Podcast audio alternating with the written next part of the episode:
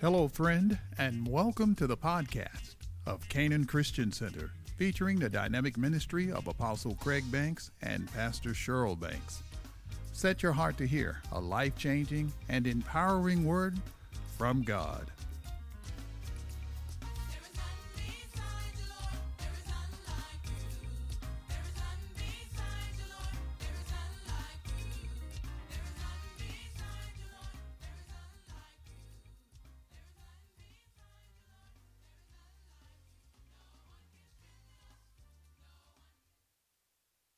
For some time about uh, the 11th hour paradigm shift.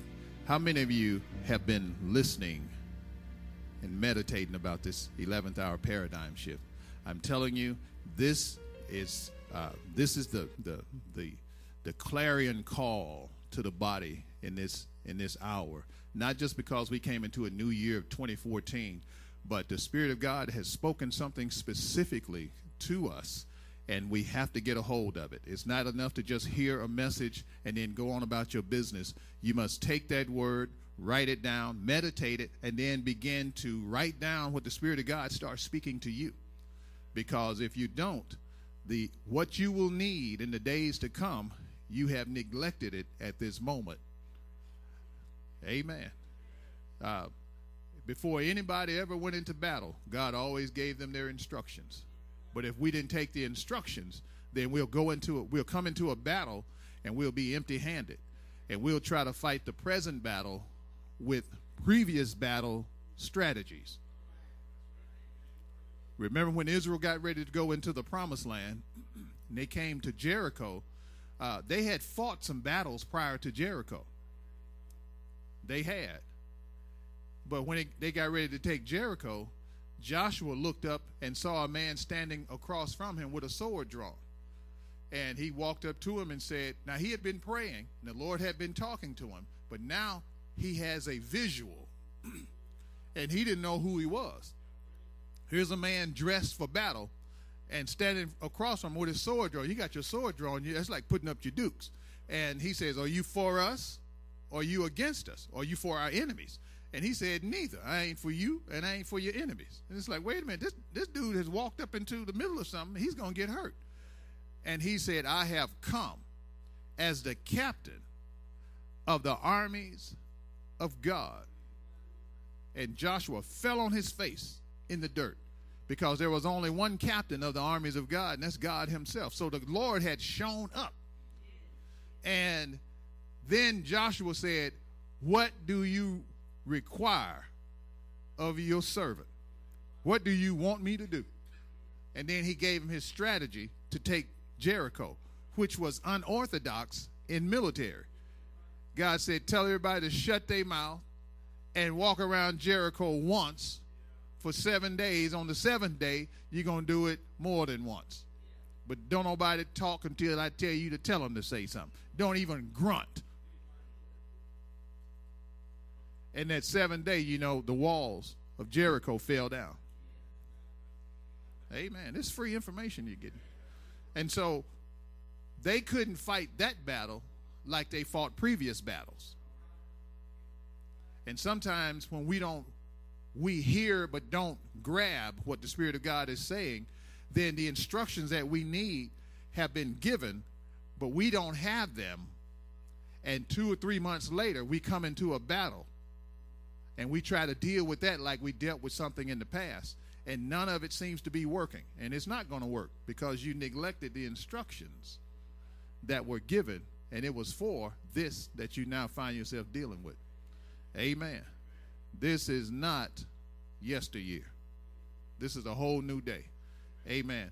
And the Spirit of God has called this the 11th hour paradigm shift. And in the 11th hour, some marvelous things will be happening, but also some very challenging things will come at you because the enemy knows that his time is short. The Bible talks about it. He has come down with great wrath because he knows his time is short. But uh, we've got to understand that, yes, the time is short. It's short for the enemy. It's also, also short for us. And the time is short for God. Now, that's that's not a negative. It just means that everything that God has spoken about our life, it must get done. It's got to be done in this short window of time. So that means we're going to be seeing victory, victory, victory. We're going to be seeing explosions of the power of God as we walk with Him and obey Him. But also, you're going to be seeing uh, attacks and assaults and things coming at you. Uh, it is like just just in succession. It's like it's like this stuff. As soon as you deal with one thing, it's like there's something else. And for others, there's going to be multiple things happening at one time. But I want you to know that there is nothing, as the Bible said, no weapon formed against you can prosper. Now, the enemy can form it, but God said it won't prosper against you. And so, when you understand that, then you'll be able to uh, multitask in your fight. One you kick, the other you judo chop, one you jug, one you shoot in the head. I mean, but you'll you'll be waxing all of them, if, you know, for for lack of a better term. And so, and this is not a physical fight.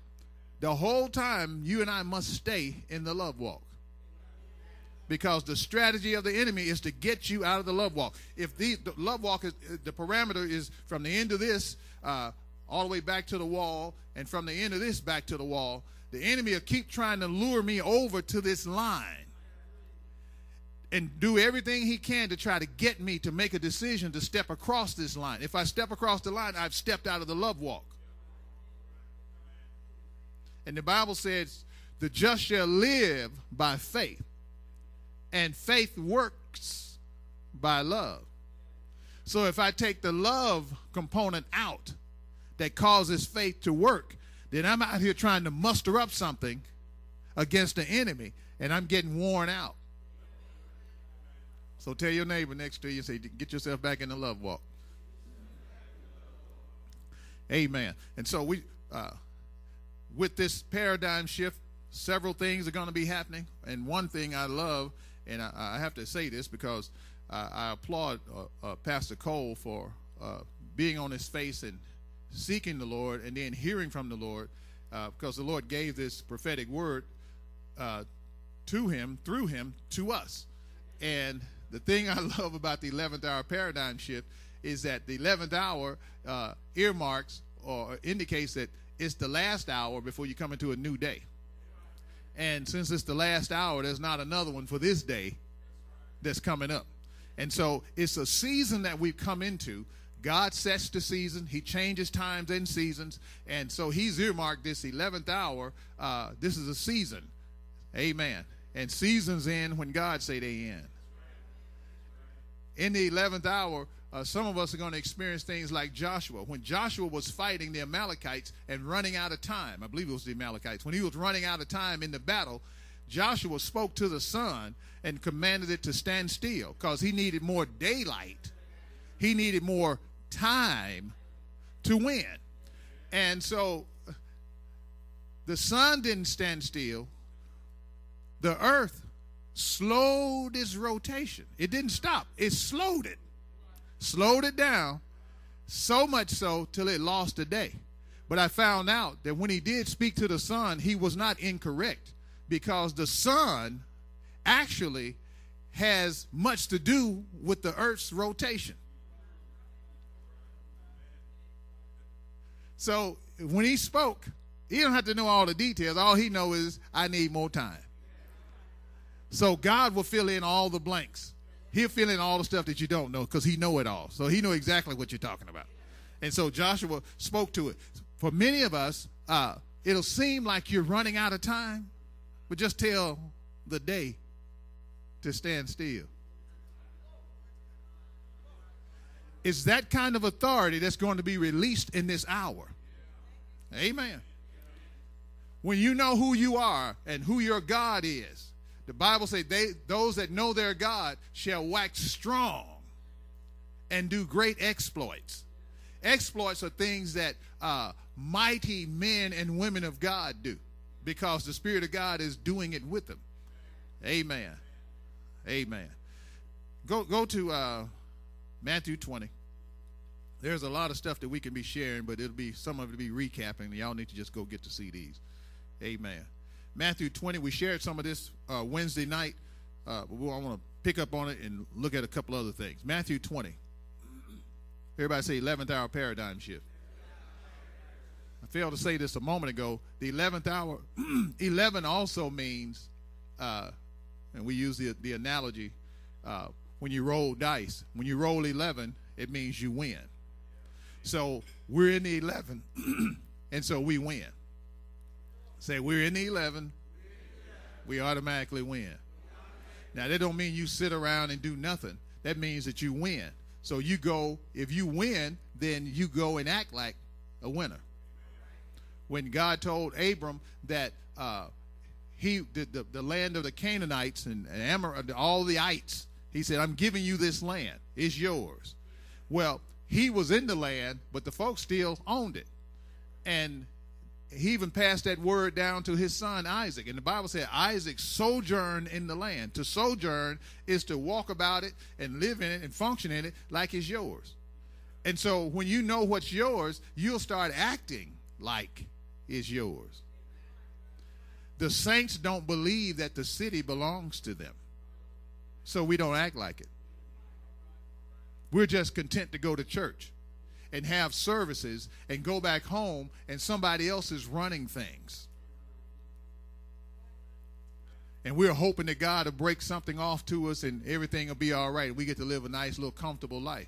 No, the children of Israel had to fight and go take what God said was theirs, and you're going to have to fight the good fight of faith and go and take what belongs to you. The problem has been too many saints for so long have just been sitting around, and God calls the sitting around idle. So let's look at this Matthew 20. You got it? Verse 1 For the kingdom of heaven is like a landowner who went out early in the morning to hire laborers for his vineyard. Amen. The vineyard is the harvest field, for those of you that don't know. And Jesus said that the, the harvest is plentiful. There's a whole lot of harvest there, but I don't have enough people in the in, in going out in the harvest field to get the harvest. The harvest are people. If you don't care nothing about people, you don't care about what God cares about. Verse 2 Now, when he had agreed with the laborers for a denarius or a dollar a day, he sent them into his vineyard. He went out third hour at 9 o'clock and saw others standing idle. Everybody say idle. They standing idle in the marketplace. He said to them, You also go into the vineyard, and whatever is right I will give you. So they went. Again, he went out about the sixth hour, that's 12 noon. Then he went again at the ninth hour, about 3 o'clock. And verse 6 says, And about the 11th hour. Everybody say the 11th hour. Now, the 11th hour is, is 5 o'clock. That's right before, that's right when it's starting to get dark. When it get dark, you can't see to get the harvest. So a whole lot's got to happen. We're in the 11th hour. And Isaiah 60 says, Darkness is up on the earth. Referring to the armies of darkness. They'll cloud up things where people can't see. And so we got a small window of time to get the harvest.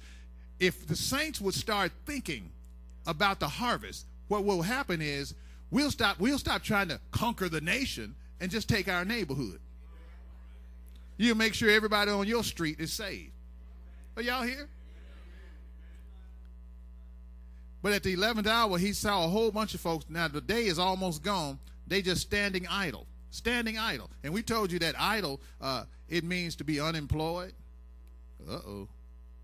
Standing around in church. God ain't getting nothing out of you. We told you that being idle is a learned behavior because part of the meaning is to be lazy. It means to be inactive and it means to be useless. Useless. You have use, but it's not being used. So it equates to being useless. And then it means to be barren. So uh, we share with you how the, he, he came and got those at the last. They were standing around because nobody considered their skill set to be needed to bring in the harvest. So what he's doing and what God is doing in this last in this 11th hour paradigm shift, everybody that has not been in the field, everybody that has not been is not being used, everybody that's just sitting and being idle, non-productive, have not been used. He's sending you into the harvest field. I want you to go and get people. And we share, share with you how that in, it's a small window of time, but he has recruited everybody or called everybody that's been idle, probably 90% of the church does nothing.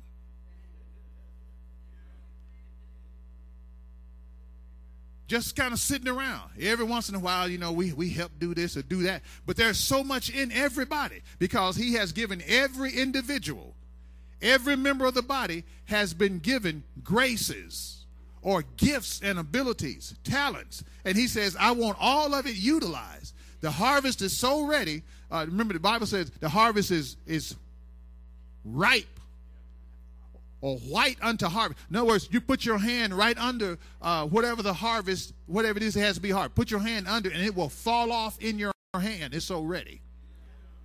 So there are people that are ready to receive Christ Jesus. You don't know what visitations they've had. You don't know what dreams they've had. They are so ready to re- receive Jesus, but if they fall off, they'll hit the ground. And if you look underneath the stalks of the harvest, you'll find snakes all over the place. So they'll fall right into the hands of snakes, the enemy. But if the saints would wade up in there, well, I ain't going up in there with no snakes. You have on your feet are shod with the preparation of the gospel of peace. That means uh, it also, it's not just, oh, I'm at peace. That means that your feet are weapons. What's covering your feet are weapons is referring to the shoes that the Roman soldiers wore, and they had spikes on the edge of them, and they had spikes underneath them that when the enemy pushed against them, they dig their feet in and they couldn't, they wouldn't move. The enemy couldn't push them because they had grip. And then they would take the same shoes and kick the enemy. When they would, those spikes would break their leg. One of the meanings of bind is to break the leg. Whatever you bind on earth, whatever whoever leg you break is broke. Now, picture snakes. They can coil up and do all they want to and strike. But when you stomp his head, that's the end of his striking. When you know that as you walk, the enemy know if I stay right here, I'm dead. So you're going to get the harvest. Now let me say this and I hope this is making sense. In this 11th hour paradigm shift, there, the Lord told me, He said, it will require extreme commitment. Because everybody that goes into the field are going to face snakes. You're going to face opposition. So you got to be extremely committed on your way in. And the commitment has to be I'm going to get the harvest. Now I know there are enemy there. I'm not stupid. I'm not crazy. But, and, and I know that in the 11th hour I win. So I go in to get as much of the harvest as I can. But God has recruited everybody, 90% of the body that's been sitting idle. He said, You standing in the marketplace, y'all talking to each other, the Bible also says, whoever is idle, they become gossipers and busybodies. So if they stand in the marketplace, they stand around gossiping and in other folks' business. When the harvest is ready for you to get. So if we leave gossiping, being idle, and get out of other folks' business and get on with get on with the business of the kingdom, wade out into the field. Put your hand under people will start falling into your hand. When they fall into your hands, you're handing them to Jesus, leading them to Christ, one after another. And that's what we're here for.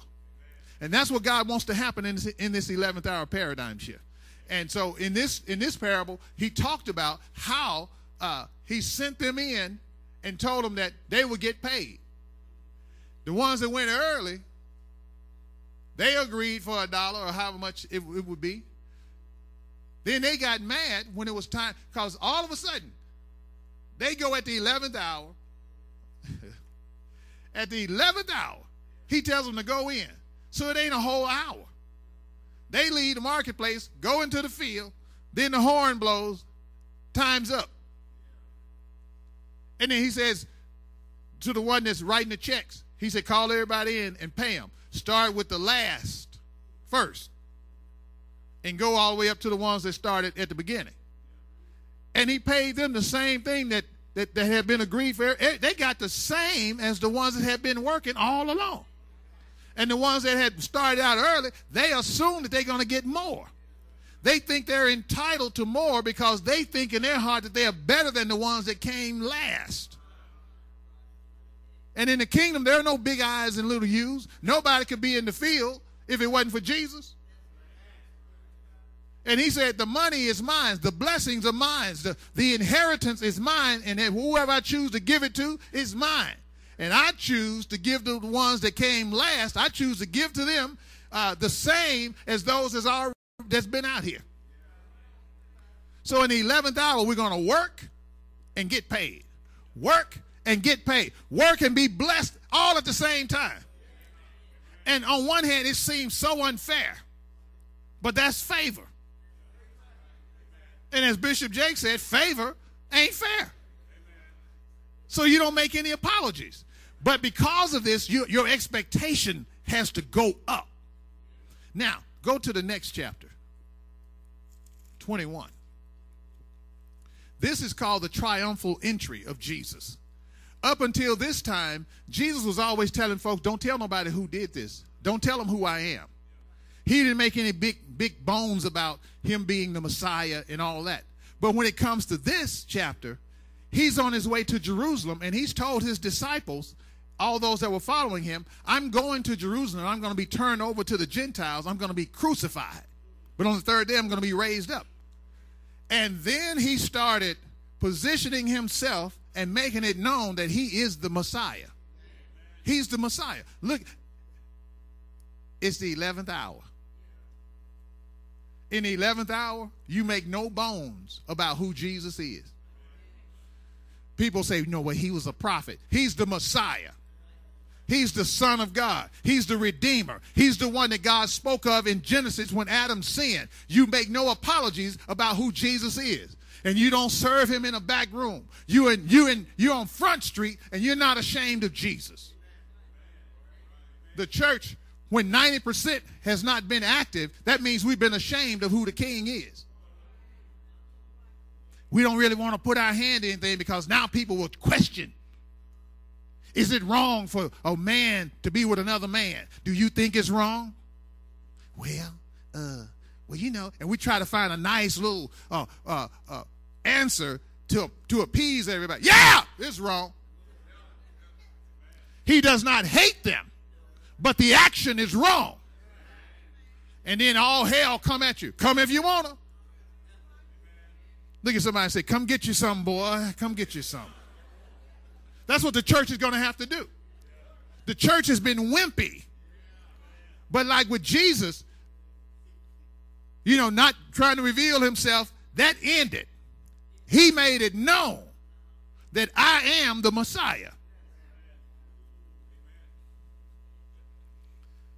Look at verse 1. Uh-oh.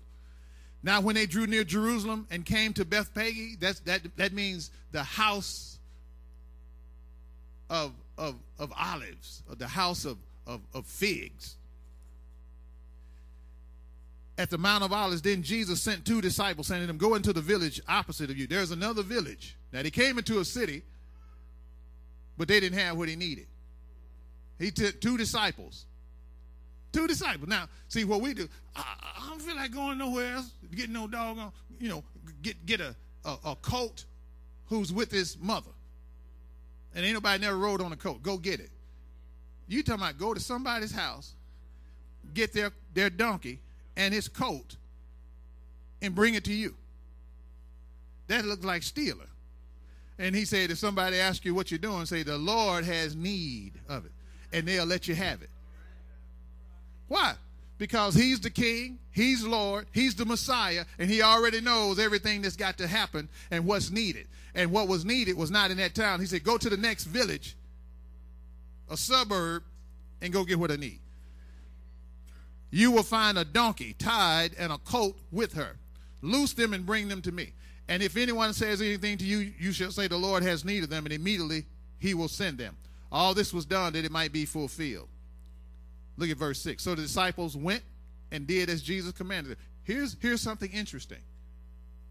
In this 11th hour paradigm shift, the Spirit of God is going to speak some specific things to you. First, you got to be a disciple. And a disciple is not somebody just come to church. A disciple is somebody who's extremely committed. And when you're extremely committed, whatever his instructions to you are, you do that, and that's what all, that's all you do. They went and got the coat and came back. Oh, I should have started on this first. They brought the donkey and the coat, laid their clothes on them, and set him on them. Now he rides the coat.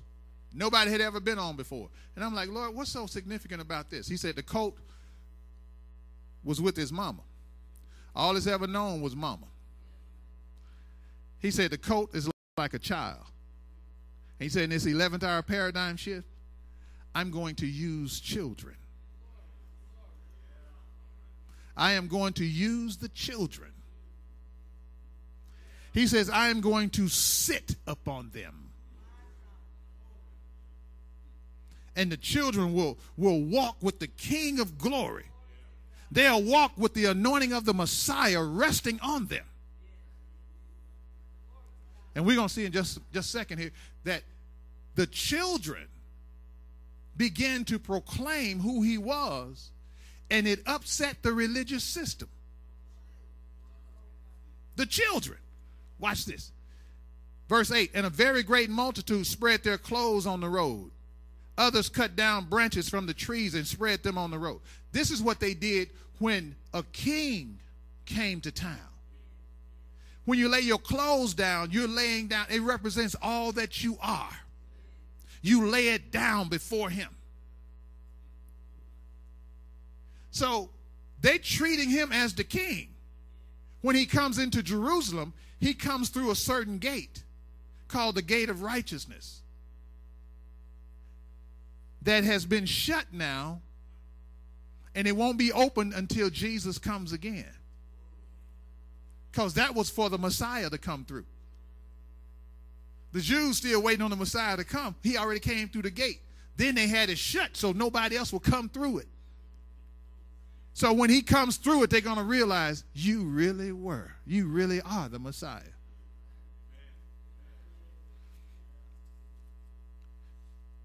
Verse 9 Then the multitude who went before and those who followed cried out, saying, Hosanna, Messiah. Hosanna to the Son of David. Blessed is he who comes in the name of the Lord. Hosanna in the highest. That's Psalms 118. That's also the Psalms that had, uh, uh, This is the day that the Lord has made. See, we quote it. Now you can really quote it. This is the day, the season that the Lord has made. The 11th hour paradigm shift where everything starts working for you. Where we go get the harvest. Look at verse 10. And when he had come into Jerusalem, all the city was moved or shaken or shook up. That word moved actually refers to the, the effects of an earthquake. Saying, Who is this? And the multitude said, Now, picture all these folks lining the streets all the way to Jerusalem.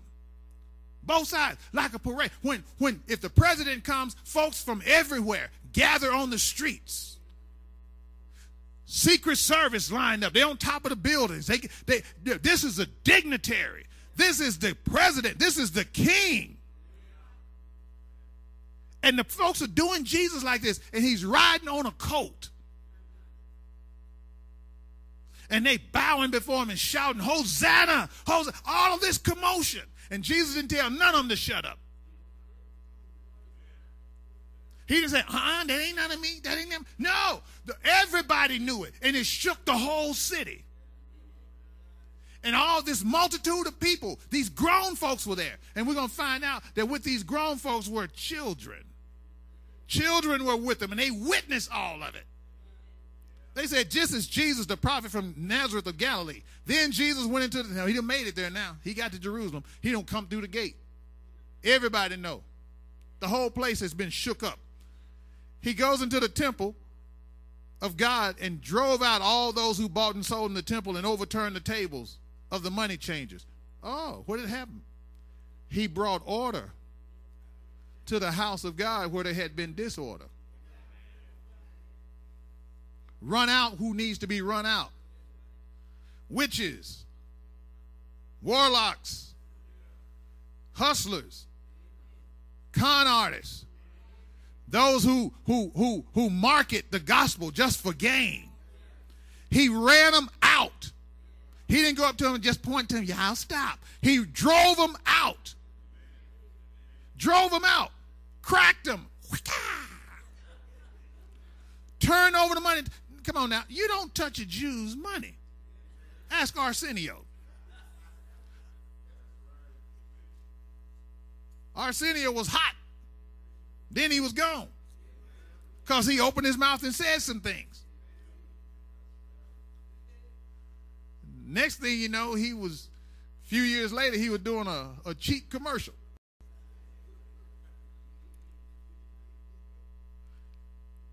But he overturns the tables of the money changers and the seats of those who sold dove. And he said to them, It is written, My house shall be called a house of prayer or communion with God. And in, in, in, in Isaiah, it says, For all nations, for all ethnic groups, you turned it into a den of thieves.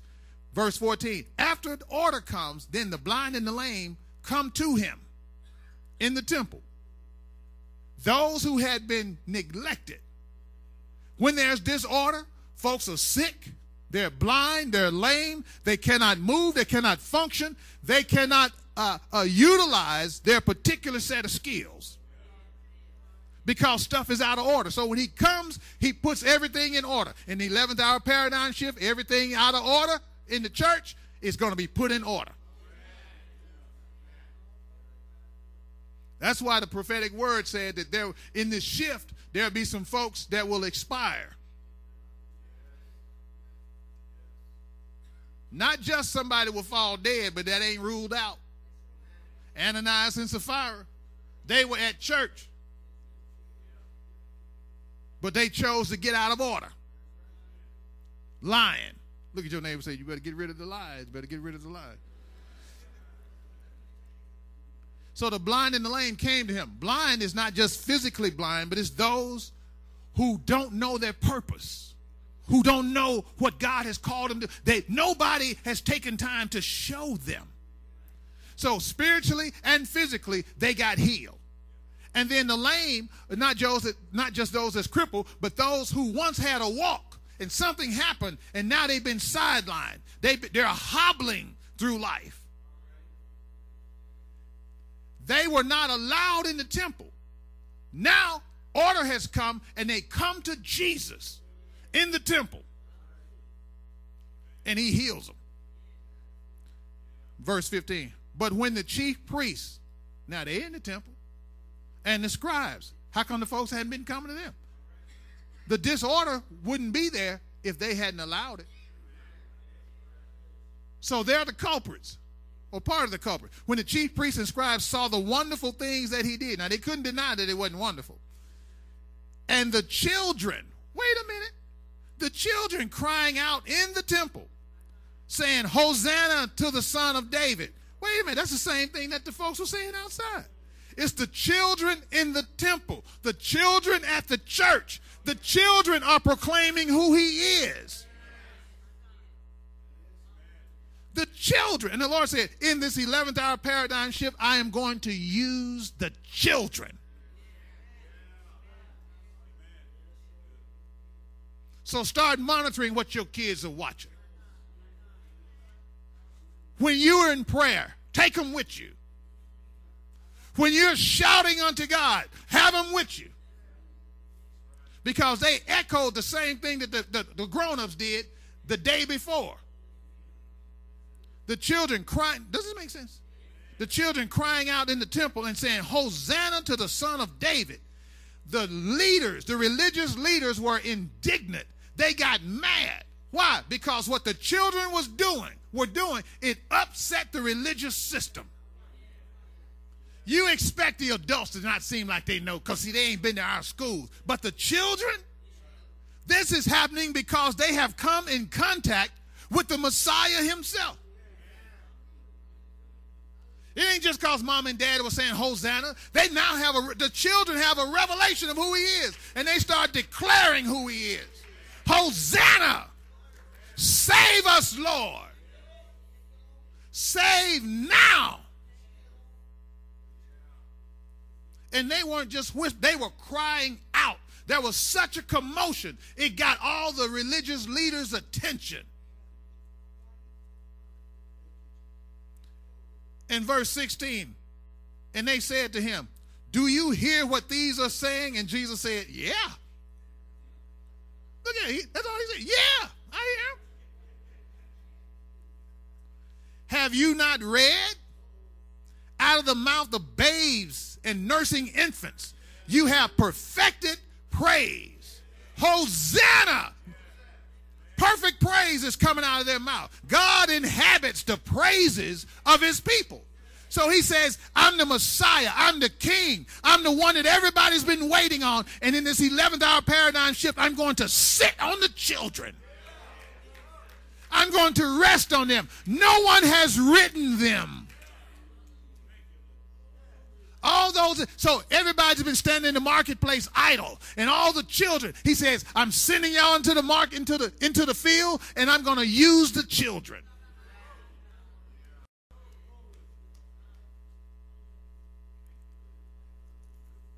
We don't know what season we come into.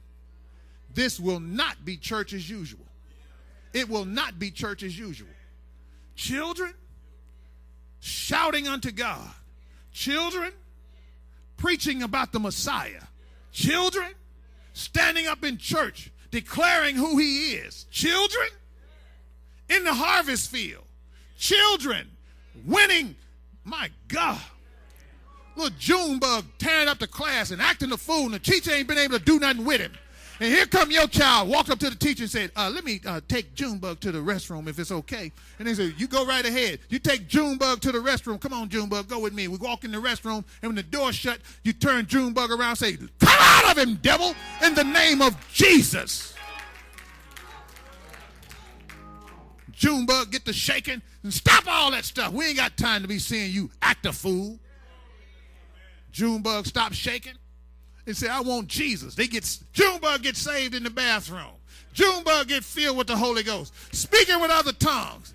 Then your child escort them back to the classroom and tell the teacher you'll not have any more problems with Junebug. Junebug walk up to the teacher and say, I do apologize. I'm saved now. I've come in contact with the Messiah. Then in our schools, during the week, revivals taking place because the children have the King of Glory riding on them. My God. He's sitting on them because no man has ever sat on them before. They've not been exposed to this religious junk. Our children have become lethal weapons for the kingdom of God. They have not been corrupted by religion. They're not ashamed to declare, Hosanna! Hosanna! Save now, Lord! Save now! You can't cry out to the King of glory and begin to exalt him and he don't show up. And when he shows up in the 11th hour, everything is out of order. It's going to be addressed and it's going to be put in order. You either repent and get in order or you're out. Glory to God. Come on, get a Lord a hand of praise. Woo! Yes, sir.